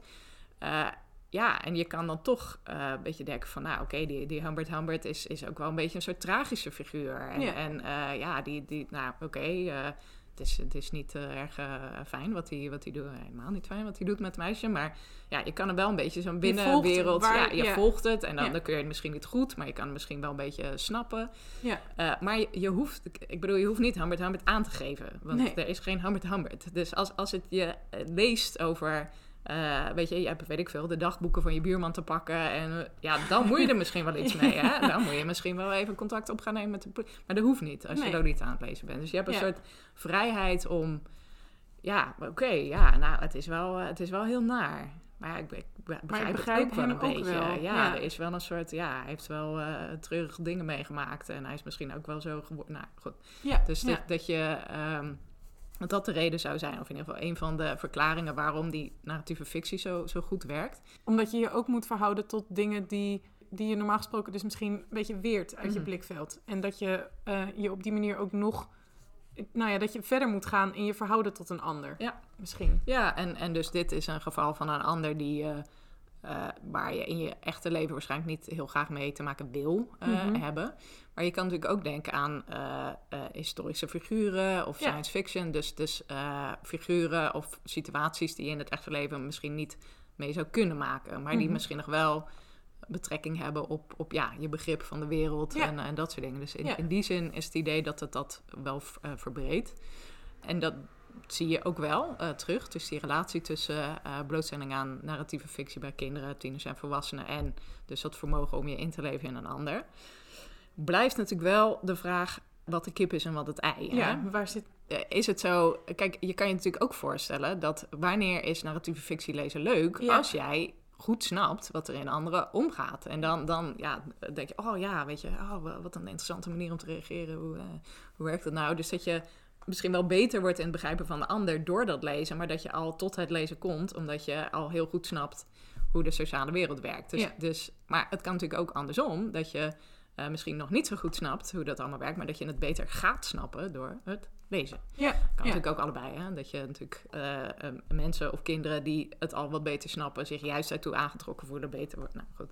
Ja, en dat is natuurlijk ook weer lastig van elkaar te onderscheiden. Want juist bij jonge kinderen zie je dat ouders voorlezen. Ja. En, en op die manier natuurlijk kinderen ook deel maken van. En Ja. de, de kinderen vinden verhalen natuurlijk over het algemeen genomen, denk ik.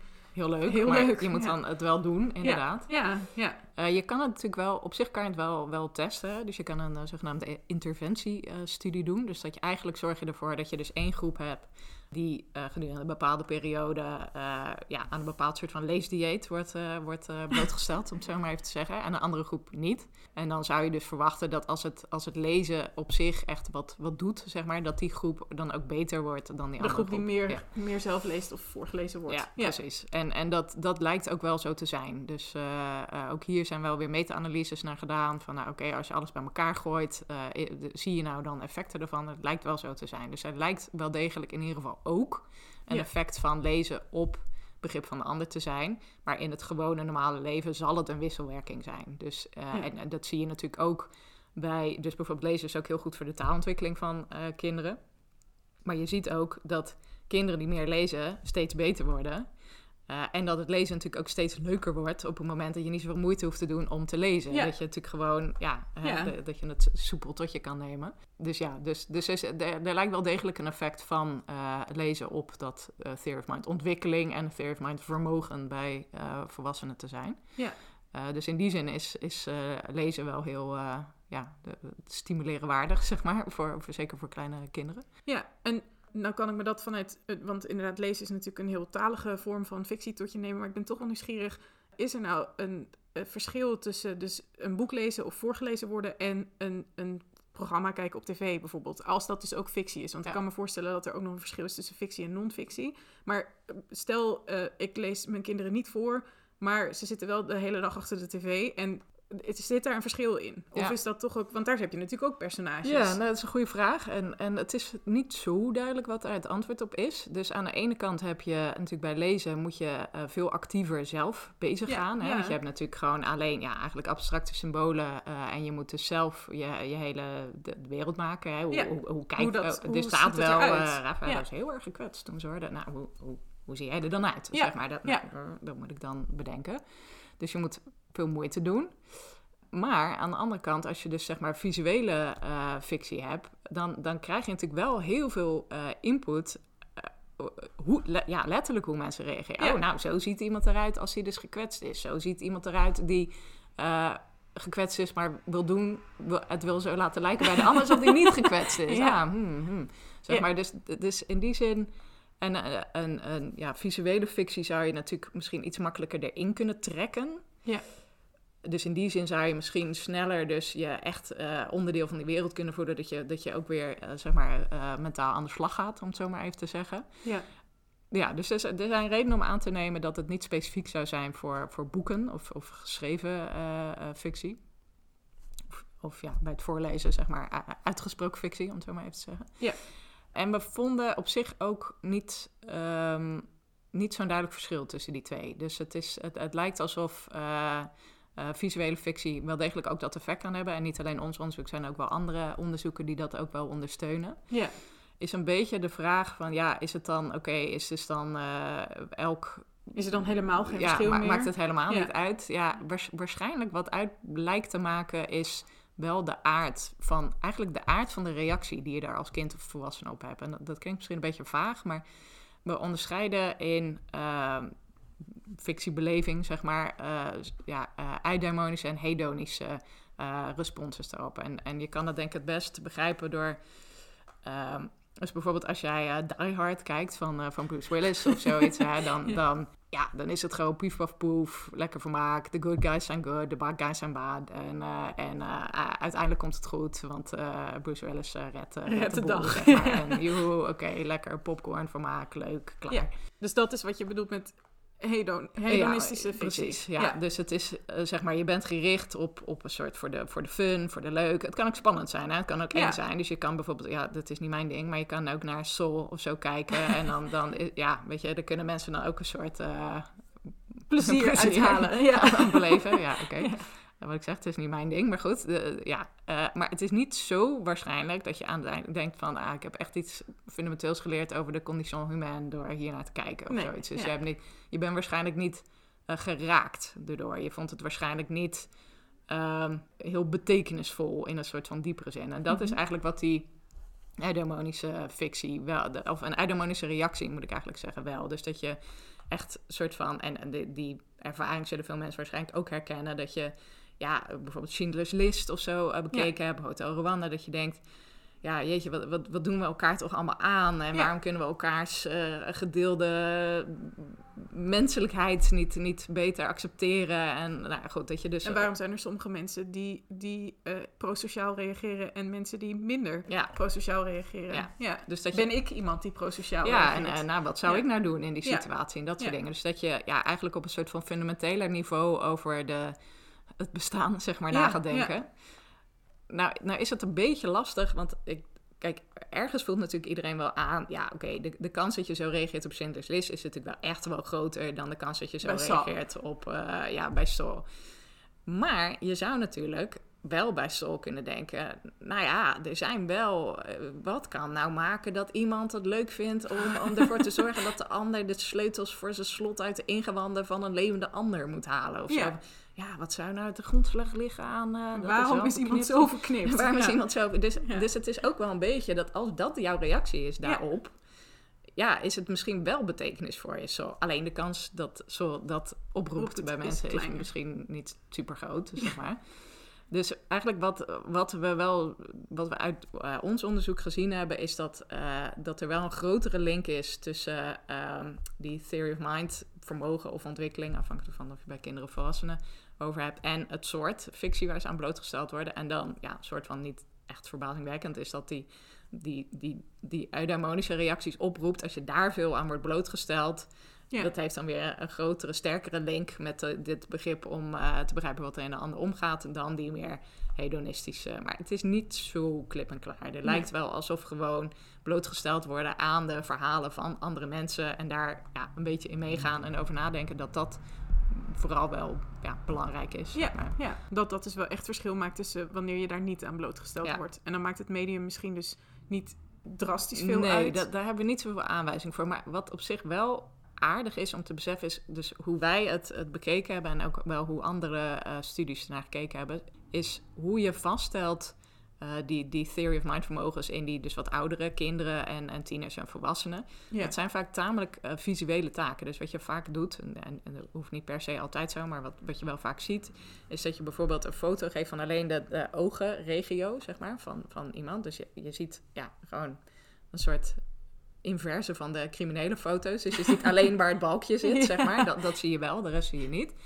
En dan is de vraag van, nou, is deze persoon uh, bang of blij of, uh, nou goed, wat, wat, wat, verschillende soort van emotionele staten. En dan moet je zeggen, nou oké, deze persoon is uh, bang. Ja. En dat, dat baseer je dus op dat, dat, ja, dat, die oogregio. Ja. maar dat is een hele visuele taak Ja, natuurlijk. Hè? ja.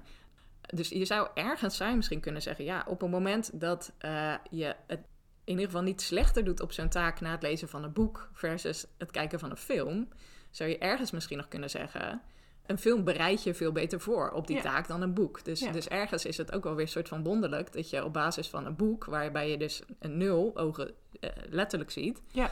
eh, dat je daar dan ook beter op zou, eh, op zou scoren. Zeg maar. Dus in die zin lijkt er, zou ik er niet per se mijn hand voor in het vuur willen steken, maar zou ik nog wel verder onderzoek zinnig vinden om te kijken naar, nou, zou er niet misschien toch een voordeel van eh, boeken zijn? Ja, eh, omdat, je, omdat je je dus zo actief dingen moet voorstellen en Ja. dat echt allemaal intern gebeurt. En dat Ja. toch natuurlijk anders is dan wanneer directer op je afgevuurd wordt en je op die manier misschien ook minder ehm, expliciet na hoeft te denken en het meer een soort beroep doet op je impliciete vermogens misschien.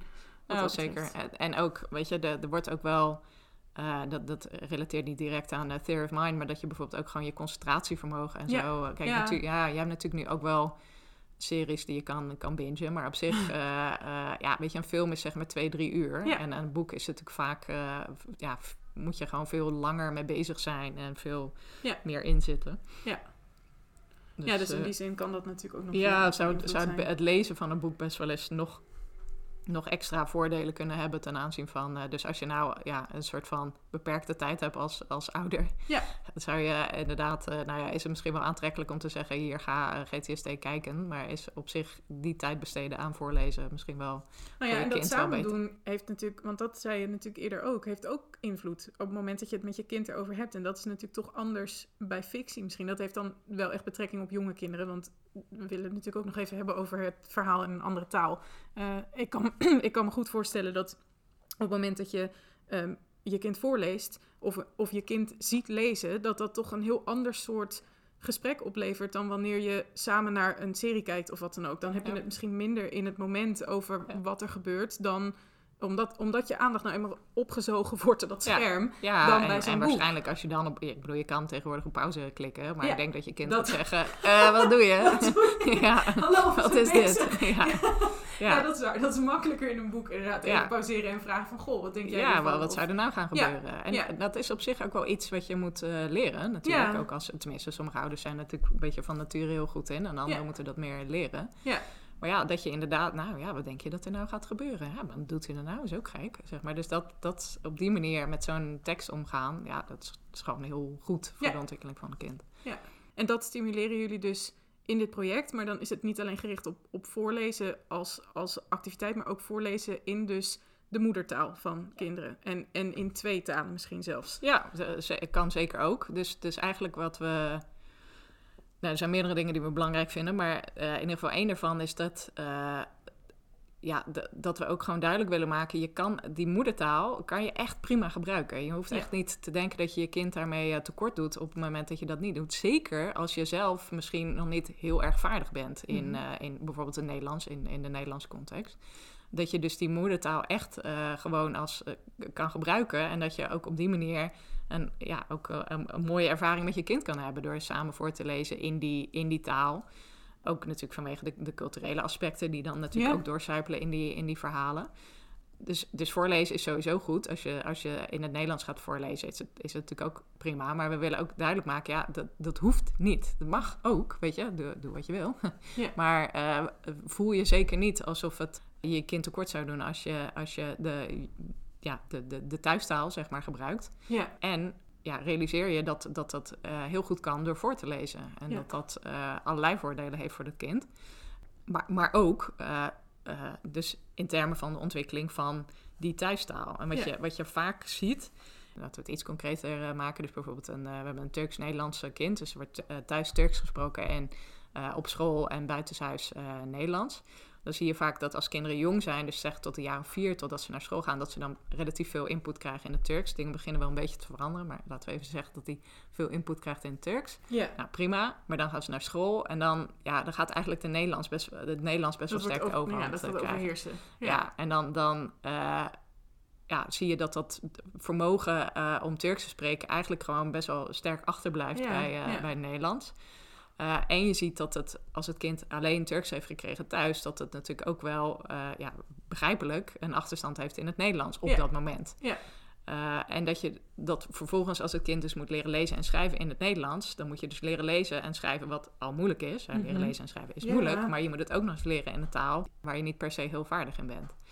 Dus als je dat ook een beetje met dat, eh, die, die blootstelling en die moedertaal kan overeind kan houden. En als het kind ook ja, geletterd kan, kan raken in die moedertaal, dan kan dat ook weer helpen voor de verwerving van het, eh, van het Nederlands eh, later.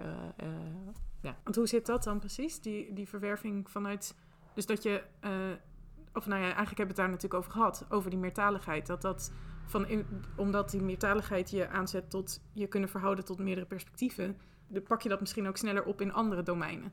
Ja. Zoals bijvoorbeeld Theory of Mind, maar misschien dus ook in, in het lezen en schrijven, bijvoorbeeld. Ja, nou ja, kijk, de lezen en schrijven moet je natuurlijk wel aan, aan werken, zeg maar. Ja, dus ja. het is eigenlijk in die zin is lezen en schrijven anders dan eh, eh, eh, luisteren en, en spreken. In de zin dat het voor iedereen ja, gewoon echt wel aardige wat, wat uur, jaren zelfs aan, aan onderwijs kost. Ja, Maar je ziet wel dat dat, ja, dat op het moment dat je dat eh, aanbiedt in een taal die, waar het kind het meest vaardig in is, dat dan vervolgens ook dat leren in een andere taal eh, heel veel makkelijker gaat. Eh, omdat het kind een soort zelfvertrouwen heeft in de eerste taal. ja, en, en ook gewoon dat ze een beetje dat, de basis van het proces snappen. Van oké, dit, dit woord kan je kennelijk opschrijven. Ja, Hoe werkt dat? Nou, de- ja, je moet een soort van, het verschilt natuurlijk een beetje per taal, maar je moet zeg maar van geluidje naar letter een soort overstap maken. En, Ja. en als je de letters hebt, kan je van letter naar geluidje en dan kan je eh, ja precies. voorlezen, zeg maar. Ja. Dus dat ze gewoon een soort van sneller die, die, die klik maken. Dat, Ja. dat dat is hoe het proces werkt. En dat die klik kan je sneller maken als je natuurlijk kan denken... Oh, wacht, fles, fles, fles. Oh ja, fles. Fles is een woord. Ja, zeg maar. Terwijl als je niet weet dat fles een woord is, kan je wel vullen s en dan... Oké, ja, vullen dat is S. goed. Ja, ja. zeg maar. Oké, Ja, je. Dus ja, dat, dat maakt gewoon wel uit voor, voor hoe dat proces eh, gaat.